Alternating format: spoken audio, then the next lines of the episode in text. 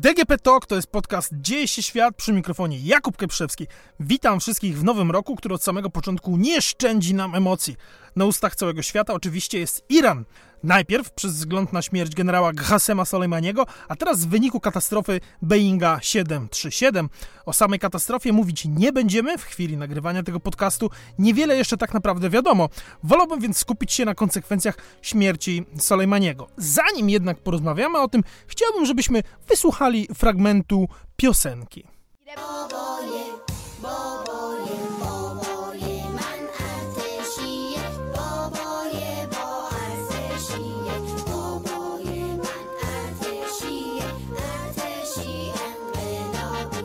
Utwór pochodzi z programu dla dzieci. Jeśli tego typu audycje mogą w ogóle nam coś powiedzieć na temat kraju, z którego pochodzą, to Iran musi być bardzo ciekawym krajem, ponieważ w tym konkretnym odcinku prezenterka pokazuje dzieciom działko przeciwlotnicze. Pyta, co to jest, żeby potem ze zbrajającą szczerością stwierdzić, że to jest urządzenie, dzięki któremu ktokolwiek nadleci nad ich ukochany kraj, to po prostu z działka oberwie. Dzieci zaś we fragmencie, którego wysłuchaliśmy, śpiewają, chłopcy przebrani mundury, dziewczynki w bardziej tradycyjnych strojach, że ich tata jest żołnierzem. I oczywiście nie byłoby w tym nic zdrożnego, pewnie w każdym kraju jest jakaś piosenka o tym, że tata jest żołnierzem, gdyby nie końcówka tego utworu.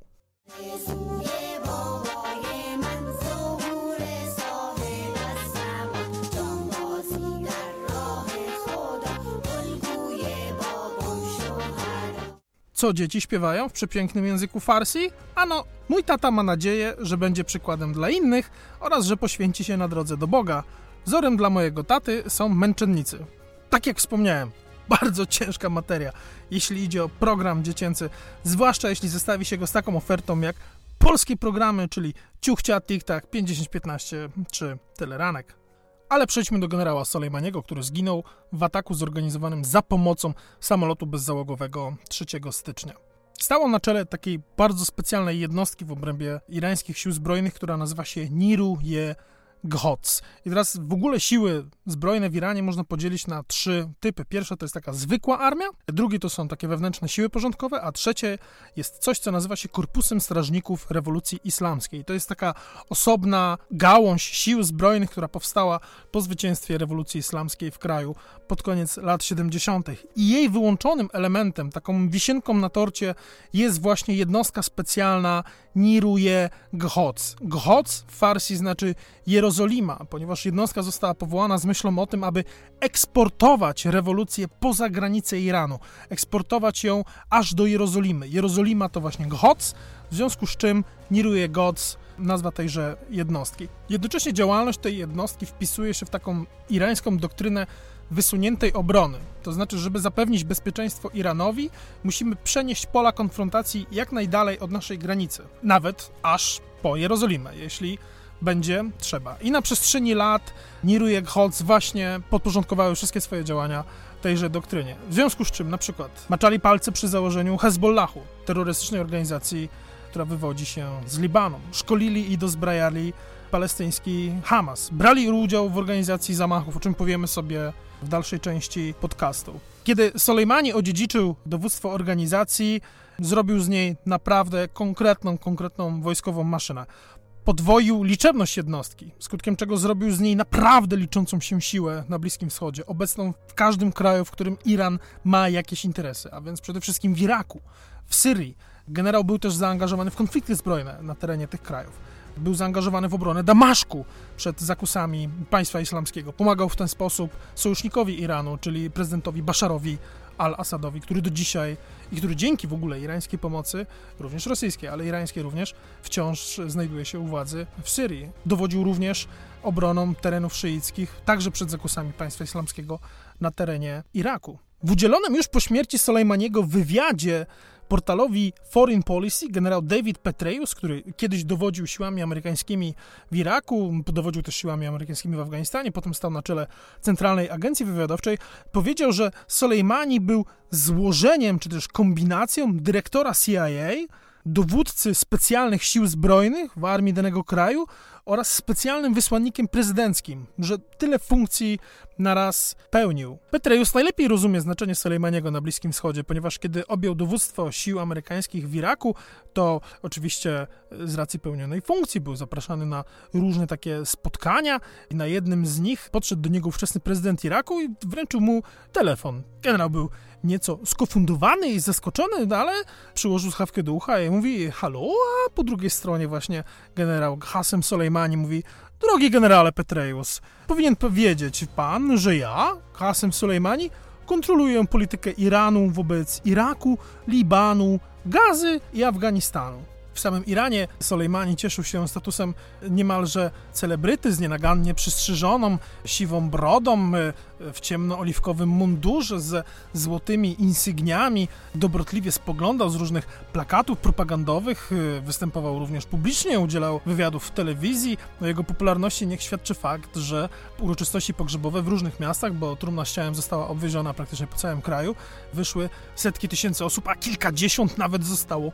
stratowanych. Nie ma więc się co dziwić, że Irańczycy wściekli się, kiedy Amerykanie zlikwidowali jednego z najbardziej utytułowanych i rozpoznawalnych perskich generałów. I nie było chyba w ciągu ostatnich kilku dni takiego irańskiego wojskowego, który gdzieś w którymś wywiadzie udzielonym w mediach nie grzmiałby, czego teraz Irańczycy nie zrobią Amerykanom.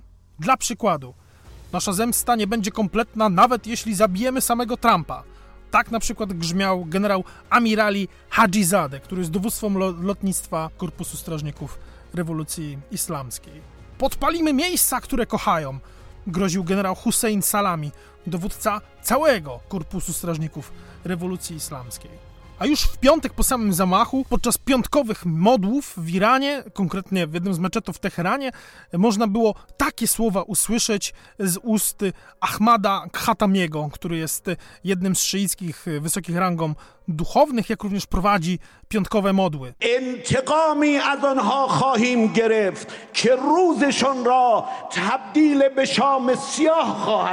Dokonamy na nich takiej zemsty, że jasne dni zamienią się w ciemne noce.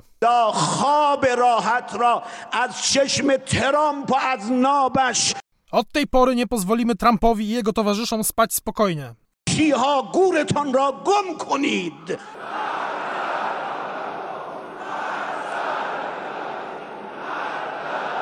Jankesi, uciekajcie stąd! Na co tłum skanduje śmierć Ameryce. Jak słyszymy, Iran kipiał wprost chęcią zemsty, ale sama odpowiedź Republiki Islamskiej nie była aż tak dramatyczna, jak wskazywałyby zapowiedzi. Irańczycy ograniczyli się do wystrzelenia kilkunastu rakiet w kierunku amerykańskich baz wojskowych znajdujących się w Iraku. Jak w środę ogłosił prezydent Trump, nie zginął ani jeden amerykański żołnierz, ani jeden cywil nie zginął, nikt nie został też ranny. Zanim zastanowimy się, co to tak naprawdę oznacza i jakie mogą być scenariusze na przyszłość, to chciałbym, żebyśmy zastanowili się jeszcze sekundę, w jaki sposób w ogóle znaleźliśmy się w tym miejscu. Oczywiście Amerykanie z Iranem na pięku mają już od bardzo, bardzo dawna, ale nas interesują działania jednego człowieka, który nazywa się Donald Trump. I musimy się przenieść do czasów, kiedy Donald Trump prezydentem jeszcze nie był, a ubiegał się najpierw o nominację Partii Republikańskiej, a potem oficjalnie wziął udział już w wyścigu o fotel prezydencki w Białym Domu. I podczas tej kampanii wyborczej Donald Trump bardzo krytykował pewne porozumienie między Stanami Zjednoczonymi, Iranem i jeszcze paroma krajami, w tym Francją, Wielkobrytanią, Rosją e, i Chinami, które nazywamy dzisiaj po prostu porozumieniem nuklearnym. Było bardzo proste. Chodziło o to, że Iran miał się wyrzec swoich ambicji atomowych, ambicji, z których nigdy się nie wstydził i nigdy szczególnie nie ukrywał, na rzecz zniesienia ważnych sankcji gospodarczych, które na przykład uniemożliwiały krajowi pełne uczestnictwo w globalnym rynku ropą. Iran na ropie siedzi i mógłby jej sprzedawać mnóstwo. Niestety sankcje zakazują handlu irańską ropą, kupowania jej. Można je oczywiście próbować obchodzić, ale znacznie prościej jest jednak sprzedawać ropę w momencie, kiedy odbywa się to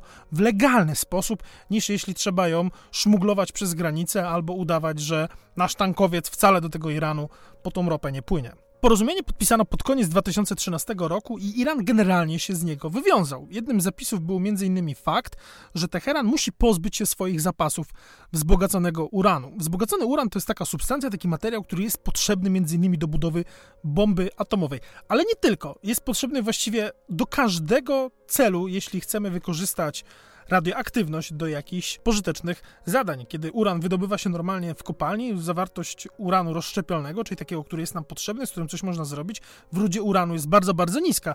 Dlatego właśnie stosuje się proces wzbogacania, czyli zwiększenia koncentracji nagromadzenia tego mm, rozszczepialnego izotopu pierwiastka. Trzeba go wzbogacić, jeżeli chcemy, interesuje nas cywilne zastosowanie w energetyce atomowej, musimy go również wzbogacić, jeżeli chcemy wykorzystać go w medycynie. Ale te same urządzenia, tak zwane wirówki, które są wykorzystywane do wzbogacania, również wykorzystuje się do wzbogacania do poziomu, który jest potrzebny do budowy bomby atomowej. I fakt, że Irańczycy oddali swój wzbogacony uran, miał tak jakby stanowić zabezpieczenie, a jednocześnie gest dobrej woli na rzecz tego, że jednak bomby budować nie chcą. Zgodnie z obietnicą Amerykanie znieśli sankcje na Iran, co oznaczało m.in., że kraj może już normalnie na globalnym rynku handlować swoją ropą naftową. I kilka tankowców przyjechało nawet do Polski. Zresztą być może pamiętacie, że był faktycznie taki czas u nas, że mówiono, że Iran to jest taki nowy rynek, na którym Polacy mogą faktycznie zrobić tutaj jakiś dobry interes. Kraj zamieszkały przez ponad 80 milionów ludzi, został odpalony. Rząd odpalił również nawet taki specjalny program promocji eksportu, nazywał się Go Iran. No i nagle wszystko stanęło, ponieważ na scenie pojawił się Donald Trump. Donald Trump w kampanii wyborczej bardzo, bardzo krytykował to porozumienie nuklearne z Iranem, mówiąc przede wszystkim, że no tak, jasne, tutaj niby nie chcą budować już tej bomby atomowej i coś tam, no ale tutaj finansują terrorystów. To argument generalnie, któremu trudno zaprzeczyć. Nie oznacza to być może, że trzeba od razu całe porozumienie wyrzucać do kosza. Niemniej jednak Trump w taki sposób to rozumiał. Znieśliśmy z nich sankcje, mogą sprzedawać ropę, do kraju płyną dewizy, które oni potem wydają na finansowanie swoich interesów w krajach ościennych, czyli tak naprawdę na wspieranie bojówek, innych organizacji paramilitarnych w krajach ościennych, co przyczynia się do budowy tam chaosu. A wtedy już przecież trwała wojna w Syrii.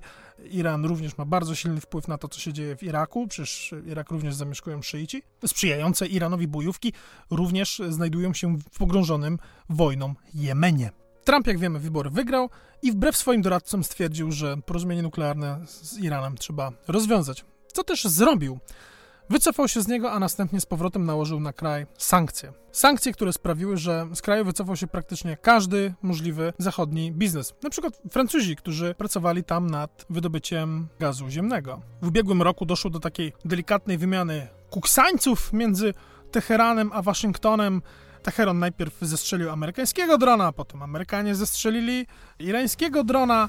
Irańczycy pokazali przede wszystkim też, że dokonali bardzo dużych postępów w rozwoju technologii rakietowej, ostrzeliwując okręty w Zatoce Perskiej w bardzo precyzyjny sposób, ale też bombardując za pomocą rakiet saudyjskie instalacje naftowe w miejscowościach Bukaik i Horais, co przez chwilę w dosyć poważny sposób e, zaburzyło saudyjską produkcję ropy naftowej. Ta wymiana kuksańców nie spotkała się ze strony Waszyngtonu z żadną odpowiedzią, co najwyżej z jakąś taką ostrzejszą retoryką, aż tu nagle na początku tego roku świat obiegła informacja, że amerykański samolot bezzałogowy zniszczył konwój, w którym przemieszczał się generał Qasem Soleimani. I mogłoby się wydawać, że to Donald Trump jest największym krytykiem Iranu. W końcu, kiedy słychać cierpkie słowa pod adresem Republiki Islamskiej, a które padają za Atlantyku, to najczęściej padają one z ust Donalda Trumpa. Ale to nieprawda, dlatego że wielu obecnych przedstawicieli administracji, jak i byłych jej pracowników również pod adresem Iranu było krytycznych i warto o tym pamiętać, kiedy myśli się o tym zwrocie właśnie w amerykańskiej polityce względem Iranu. Krytyczny wobec Teheranu był chociażby były sekretarz obrony Jim Mattis. Wiemy to chociażby z książki Strach Boba Woodwarda, ale wielkim fanem Iranu nie był też John Bolton, były już e, doradca do spraw bezpieczeństwa narodowego, bardzo ważny doradca prezydencki, który ma praktycznie nieograniczony dostęp do ucha głównodowodzącego. Wielkim fanem Iraku nie jest również obecny sekretarz stanu Mike Pompeo, czy obecny sekretarz obrony Mark Esper. Na pewno można zadać pytanie, dlaczego generał Soleimani został usunięty teraz, a nie kiedy indziej. Warto zwrócić uwagę, że generał tak naprawdę nigdy nie krył się ze swoją obecnością ani w Iraku, ani w Syrii. Jego wizyty były publiczne. Kiedy przyjeżdżał do Bagdadu, normalnie wbijał do najważniejszych polityków w kraju. Nie były te wizyty żadną tajemnicą, były emitowane w irańskiej telewizji, były wspólne konferencje prasowe, przybijanie sobie piątek. Soleimani też odwiedzał żołnierzy na linii frontu, szyickie bojówki, więc tak jakby nie ukrywał się ze swoją obecnością. To jest zupełnie inna sytuacja niż w przypadku lidera państwa islamskiego Abu Bakra al-Baghdadiego, zlikwidowanego pod koniec ubiegłego roku, człowieka, o którym właściwie nawet nie było wiadomo, czy żyje i wielokrotnie pojawiały się doniesienia, że już został zabity, tylko nikt nie chciał się publicznie, tu tak naprawdę organizacja przez niego stworzona i kierowana nie chciała publicznie się do tego przyznać. Tutaj było zupełnie inaczej. Nie trzeba było specjalnej operacji wywiadowczej, żeby generała usunąć. Pytanie brzmi, dlaczego teraz w ogóle pojawiła się taka decyzja? Jedną z interpretacji podał Joseph Sullivan, który w latach 2017-2019 pracował w Radzie Doradców Gospodarczych prezydenta USA, czyli jest to argument natury ekonomicznej. Można się dziwić lub nie, ale ekonomia w bliskowschodniej polityce Stanów Zjednoczonych gra bardzo ważną rolę i to przynajmniej od czasu kryzysu naftowego z lat 70. To właśnie wtedy prezydent Jimmy Carter ukuł takie stwierdzenie, że wywoływanie kryzysu energetycznego, czyli na przykład celowe obcinanie wydobycia ropy naftowej, żeby zmniejszyć znacząco podaż i podbić w ten sposób ceny tego kluczowego dla funkcjonowania globalnej gospodarki surowca, że wywołanie kryzysu energetycznego to jest moralny ekwiwalent wojny. A ponieważ Ameryka należy do jednego z największych konsumentów ropy naftowej na świecie, to też cena tego surowca z ich perspektywy jest bardzo ważna i między innymi tym również tłumaczy się amerykańskie zaangażowanie na Bliskim Wschodzie. Tymczasem Sullivan w swoim eseju dla Foreign Policy tłumaczy, że tak naprawdę Amerykanie już bliskowschodniej ropy nie potrzebują. O czym wspomniał zresztą sam prezydent Donald Trump w swoim środowym wystąpieniu, tym samym, w którym oznajmił, że w wyniku rakietowego ataku odwetowego na amerykańskie instalacje wojskowe nie poniósł śmierci ani jeden żołnierz. Jesteśmy teraz producentem numer jeden na świecie zarówno ropy naftowej, jak i gazu. Jesteśmy niezależni. A co za tym idzie, nie potrzebujemy czarnego złota z Bliskiego Wschodu. Ktoś mógłby powiedzieć, ale jak to? Nie potrzebujemy irańskiej ropy? No przecież Irańczycy nie mogą. Przed chwilą powiedziałeś sam, Irańczycy nie mogą sprzedawać ropy na globalnym rynku. No to jej nie ma. Już jej teraz nie ma. No to, to o co tutaj właściwie chodzi? No bo nie chodzi tylko i wyłącznie o irańską ropę, ale chodzi o ropę w ogóle od wszystkich krajów Zatoki Perskiej, która, żeby sprzedać ją na świecie, musi najpierw wypłynąć z tej Zatoki Perskiej, a przepływa przez cieśninę Ormus, którą kontroluje między innymi Iran przez cieśninę przepływa 20% globalnej produkcji ropy naftowej i gdyby ją zablokować, gdyby faktycznie chcieć coś zrobić, można by było znacząco na globalnych rynkach namieszać. I to jest jeden z najbardziej czarnych scenariuszy, taki lewar, który Teheran przez wiele lat po prostu dzierżył, taki miecz Damoklesa zawieszony właśnie nad cieśniną Ormus. Ryzyko, że w wyniku akcji odwytowej Irańczycy postanowią doprowadzić do perturbacji w żegludze na Zatoce Perskiej, co podbije ceny ropy momentalnie i doprowadzi do kryzysu w globalnej gospodarce. Teraz prawdopodobieństwo takiego scenariusza jest znacząco mniejsze, ponieważ we wrześniu ubiegłego roku miało miejsce ciekawe zdarzenie, natomiast takie, na które niewiele osób zwróciło uwagę. Chodzi po prostu o to, że po raz pierwszy od 1940 roku Stany Zjednoczone więcej wyeksportowały ropy za granicę niż ściągnęły jej do siebie. To jest oczywiście efekt trwającej od kilku lat rewolucji łupkowej, czyli odkrycia nowych złóż ropy naftowej w formacjach łupkowych zarówno na południu, jak i na północy kraju. W złożach łupkowych zazwyczaj mieści się taka lekka ropa, którą po prostu Amerykanie sprzedają na zewnątrz. Robią to dlatego, że ich rafinerie są głównie przyzwyczajone do przerobu ciężkiej ropy, tak jak na przykład ta wydobywana w Wenezueli.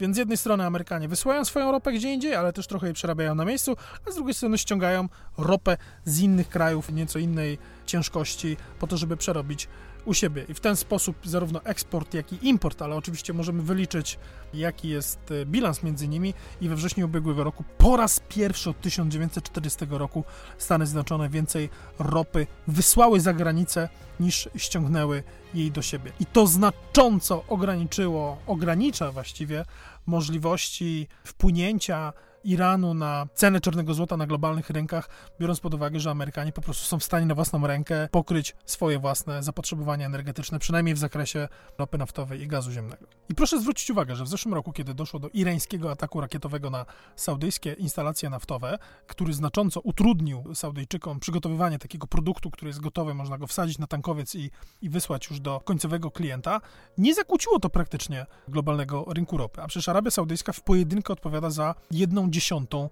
globalnej produkcji. W ten sposób Amerykanie wytrącili Irańczykom dosyć poważny instrument odwetowy z ręki. W grę nie wchodzi również wojna. Zarówno jedna, jak i druga strona doskonale rozumie, że taki scenariusz nikomu się nie opłaca. Proszę zwrócić uwagę, Amerykanie generalnie na Bliskim Wschodzie i w regionach Azji Południowo-Zachodniej są już dosyć ciężko doświadczeni. Nie są w stanie kontrolować tak na dobrą sprawę krajów, które są znacznie mniejsze powierzchniowo i ludnościowo niż Iran, jak Irak i Afganistan.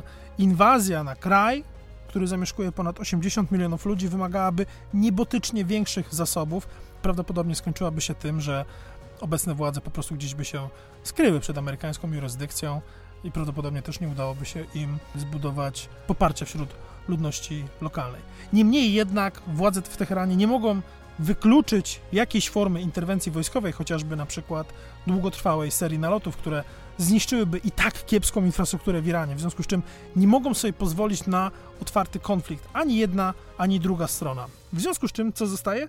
Zostają działania zakulisowe za pomocą różnych partnerów i organizacji współpracujących, finansowanych gdzieś w krajach ościennych, właśnie zgodnie z definicją wysuniętej obrony.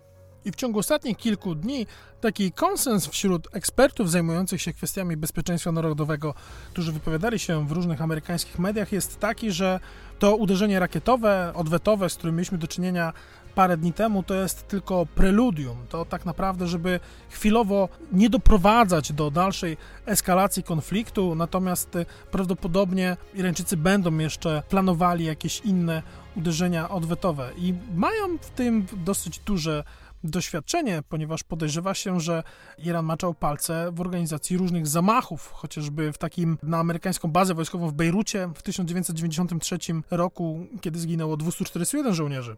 W tym samym roku w Bejrucie została zbombardowana ambasada USA, 63 ofiary. Atak na centrum żydowskie w Buenos Aires, 1994 rok. 85 zabitych, zamach na ambasadę Izraela w Argentynie, 92 rok, 29 zabitych, czy chociażby zamach na budynek mieszkalny w saudyjskim mieście Al-Hubar, to jest 96 rok. 500 osób zostało wtedy rannych, 20 zostało zabitych, ale z tych 20 aż 19 to amerykańscy żołnierze, którzy po prostu mieli kwaterę w tymże budynku. Eksperci, w tym na przykład były pełniący obowiązki szefa CIA Michael Morrell, zwracali po prostu uwagę, że prawdopodobnie Teheran będzie chciał teraz przygotować, skupić się na przygotowaniu takiej docelowej, nazwijmy to, akcji odwetowej, która tak naprawdę może zdarzyć się wszędzie. Morel zresztą użył bardzo dobitnych słów, powiedział, że po prostu czeka nas widok ciał martwych Amerykanów. Przy czym ta docelowa akcja odwetowa wcale nie musi dotyczyć obywateli Stanów Zjednoczonych, ponieważ znane są już e, w historii takie przykłady, gdzie kiedy nie mogąc dosięgnąć jakiegoś wysokiego rangą urzędnika albo chociażby przedstawiciela armii, siły finansowane e, przez Teheran po prostu organizują zamach na cywili. I tak na przykład było kilka lat temu w bułgarskim mieście Burgas, gdzie zamachowy samobójca wysadził się w autobusie wiozącym izraelskich turystów. I było to po tym, jak przez kilka miesięcy Hezbollah szukał okazji do tego, żeby dokonać zamachu na jakiegoś wysokiego rangą przedstawiciela państwa żydowskiego, po tym jak Izraelici zlikwidowali jednego z przymoców, właśnie jedną z ważnych postaci w Hezbollahu. Do zamachu na grupę cywili bądź na jednego VIP-a mogłoby dojść nawet na amerykańskiej ziemi. Irańczycy już próbowali takich rzeczy w przeszłości. Parę dobrych lat temu na przykład została udaremniona próba zamachu, właściwie nawet nie próba, bo do próby nie doszło, ale plan zamachu i zabicia saudyjskiego ambasadora w jednej z restauracji w Waszyngtonie. I eksperci podkreślają, że prawdopodobieństwo takiej akcji odwetowej, takiego zamachu generalnie jest dosyć wysokie, ponieważ Teheran cały czas stara się utrzymać infrastrukturę niezbędną do tego, żeby plany takiej operacji gdzieś tam ruszyć i żeby zacząć ją organizować. Doskonałym przykładem tego są chociażby zatrzymania, jakich na przestrzeni jednego roku, jednego roku dokonano w Stanach Zjednoczonych. W listopadzie ubiegłego roku jedna osoba została zatrzymana za przesyłanie schematów technicznych swojemu bratu w Iranie. We wrześniu skazano na 27 miesięcy więzienia kobietę z irańskim obywatelstwem za próbę pozyskania na rzecz Iranu niedozwolonej technologii. W tym wypadku były to systemy łączności. W lipcu zarzuty w Stanach usłyszały trzy osoby, które chciały zakupić włókno węglowe. Włókno węglowe to jest taki materiał, który ma dużo zastosowań cywilnych, ale ma też zastosowania wojskowe. Może być wykorzystywany m.in. w procesie wzbogacania uranu. W czerwcu z kolei w ręce amerykańskich władz wpadł facet, który chciał do Iranu za pomocą spółki założonej w Turcji przesyłać części lotnicze. W ogóle zamach na terenie USA to jest coś, co rozpala chyba wyobraźnię, przynajmniej niektórych e, w Teheranie, dlatego że chociażby na Twitterze zmarłego już generała Soleimaniego można było znaleźć, konto niestety już jest nieaktywne, ale e, są screenshoty z przeszłości, gdzie w połowie 2018 roku generał wrzucił mm, na swojego Twittera taką grafikę, na której z krótkofalówką w dłoni stoi na tle płonącego Białego Domu, a podpis pod zdjęciem głosi Zmiażdżymy USA pod swoimi stopami.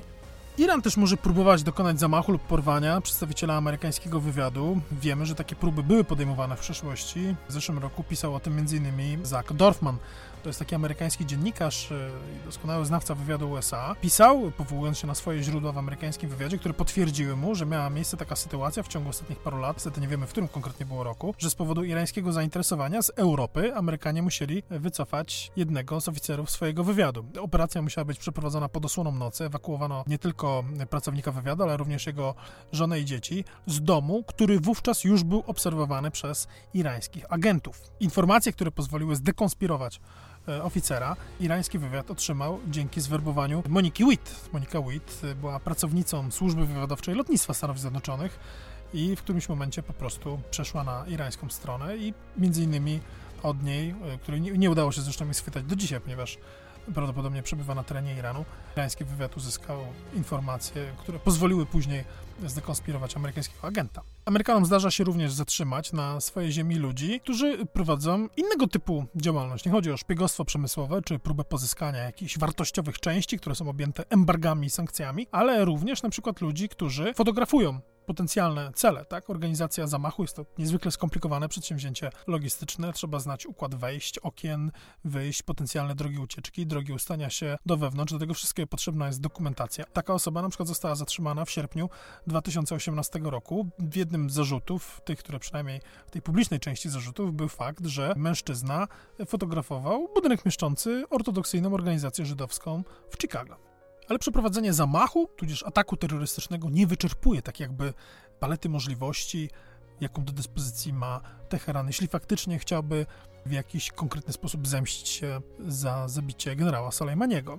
Kolejnym z wariantów może być chociażby atak hakerski, cyberatak i tutaj akurat Irańczycy mają spore kompetencje. Rozwijali je szczególnie w ciągu ostatniej dekady po bardzo ciężkim ataku, którego sami padli ofiarą. Wirus Stuxnet, y, skonstruowany prawdopodobnie wspólnie przez wywiady Stanów Zjednoczonych i Izraela, zniszczył infrastrukturę niezbędną do wzbogacenia uranu, czyli owe wirówki, o których już e, wspomniałem, przynajmniej ich część, e, akurat te, które były wyprodukowane przez niemieckiego producenta i wtedy Irańczycy zorientowali się, że faktycznie bezpieczeństwo IT to jest obszar, w którym lekko nie domagają i bardzo szybko udało im się nadrobić tutaj braki. Już w 2012 roku przeprowadzili bardzo poważny atak na systemy komputerowe saudyjskiego koncernu naftowego Saudi Aramco. Wpuścili wtedy do sieci Saudi Aramco takiego wirusa, który czyścił dyski twarde, nazywał się Shamun.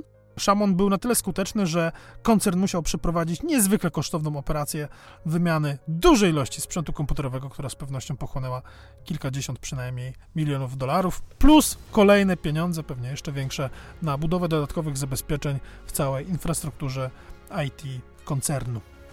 Czy Amerykanie zrobili dobrze, likwidując Soleimaniego? No, to jest akurat takie pytanie, które zadają sobie również eksperci i nie ma na to jednoznacznej odpowiedzi. Na pewno została przesunięta, niektórzy przynajmniej zwracają uwagę, że została przesunięta pewna granica, bo proszę zwrócić uwagę, że o ile zabicie lidera organizacji terrorystycznej nie wzbudza tak jakby wątpliwości odnośnie tego, czy powinno się to robić, czy nie, o tyle Soleimani nie był senso stricte liderem organizacji terrorystycznej, był jednak funkcjonariuszem państwowym. I spotkałem się z takimi komentarzami, że to samo w sobie może być groźne, ponieważ niejako zmienia trochę reguły gry. Jeszcze inni wskazują, że likwidacja Soleimaniego jest niefortunna chociażby z tego względu, że dała Irańczykom do ręki argument, żeby dokonywać dalszej erozji porozumienia nuklearnego, ponieważ Iran nigdy się z tego porozumienia nie wycofał, tylko z jego poszczególnych zapisów. Powoli, w ramach właśnie tej takiej wymiany ciosów w ubiegłym roku, o której mówiliśmy, powolutku, powolutku Irańczycy zaczęli deklarować, że wracają do rozwoju swojego programu atomowego. Czyli a to ogłosili, że na przykład teraz więcej wirówek do wzbogacania uranu sobie zainstalują, a to ogłosili, że będą właśnie bardziej ten uran wzbogacać. To ostatnie właśnie zapowiedź związana z zamachem była taka, że teraz mają zamiar wzbogacać uran powyżej kolejnego poziomu tym razem już powyżej takich cywilnych zastosowań, bardziej właśnie w kierunku zastosowań wojskowych. I są tacy, którzy mówią, że zanim Trump doszedł do władzy, to Iran był 15 lat od posiadania bomby atomowej, a teraz jest to najwyżej pół roku i że w związku z tym na przykład śmierć generała niepotrzebnie zaogniła konflikt. Jeszcze inni wskazują, że tak naprawdę usunięcie jednego generała, który dowodził jednostką, tak naprawdę nic nie zmieni, bo przecież za chwilę przyjdzie drugi, który może być równie dobry albo jeszcze lepszy. I ci z kolei wskazują na przykład Hezbollahu. Kiedy zabito jego poprzedniego lidera, przywództwo w organizacji po prostu objął obecny Hassan Nasrallah, który okazał się równie charyzmatycznym i równie dobrym przywódcą. Sceptycy mówią też, że zamach odwrócił uwagę społeczną, skanalizował złe emocje zarówno w Iraku, jak i w Iranie przeciwko Stanom Zjednoczonym. A przecież należy pamiętać, że pod koniec ubiegłego roku wybuchły zamieszki społeczne, zarówno w Iraku, jak i w Iranie. W Iraku ludzie domagali się pracy, lepszych warunków życia, ale domagali się też tego, żeby Iran przestał mieszać się w lokalną politykę. Tych zamieszek nie udało się spacyfikować, więc one prawdopodobnie w 2020 roku wciąż by trwały, ale położyła im kres przynajmniej na chwilę właśnie śmierć Soleimaniego. Z kolei w Iranie ludzie wyszli na ulicę po tym, kiedy właśnie na skutek i pod wpływem sankcji ekonomicznych rząd postanowił zdjąć pewne dopłaty do paliwa, skutkiem czego stało się znacznie droższe, co uderzyło Irańczyków, którzy nie są bardzo zamożni, dodatkowo jeszcze po kieszeni. Ludzie wyszli na ulicę, manifestacje zostały spacyfikowane, ale przecież ten podstawowy problem, jakim był właśnie ubytek dochodu rozporządzalnego, nie został usunięty, w związku z czym można by się było spodziewać, że za jakiś czas Irańczycy znowu wyjdą na ulicę przeciwko swojego rządowi, a tak to wyszli na ulicę krzyczeć śmierć Ameryce. Z drugiej strony wielu ekspertów używa takiego argumentu, że świat bez Soleimaniego jest bezpieczniejszym miejscem, wskazując na to, w ilu rzeczach generał maczał palce, w ile, w ile operacji był osobiście zaangażowany i wskazując również na jego osobisty związek, e, taki ciepłą, taką niemalże ojcowsko-synowską relację z najwyższym przywódcą Iranu. I takiego argumentu używa między innymi była doradczyni do spraw bezpieczeństwa narodowego, jak już wspomniałem, bardzo ważna funkcja w Stanach Zjednoczonych, Susan Rice. Susan Rice akurat jest przedstawicielką administracji Baracka Obamy i ona też mówi, że mm, świat bez Soleimaniego jest bezpieczniejszym miejscem. Wspomniany już generał David Petraeus powiedział, że mm, zabicie Soleimaniego było ruchem we właściwą stronę, ponieważ przywróciło coś, co w języku angielskim ładnie nazywa się deterrence, czyli siłą odstraszania. Tak jakby Amerykanie zamanifestowali w ten sposób, że wciąż są jeszcze w stanie, wciąż mają instrumenty do tego, żeby ukarać Iran niejako za za niewłaściwe zachowanie i próbować skorygować i zmusić do tego, żeby wrócił do stołu negocjacyjnego bez względu na to, którą taktykę Teheran obierze, jestem absolutnie przekonany, że w tym roku jeszcze usłyszymy o konflikcie między Iranem a Stanami Zjednoczonymi. A kiedy o tym usłyszymy, usłyszymy o tym również w podcaście Dzieje się świat. Także ja się żegnam. DGP Talk, Dzieje się świat, Jakub Kaprzewski, dziękuję bardzo.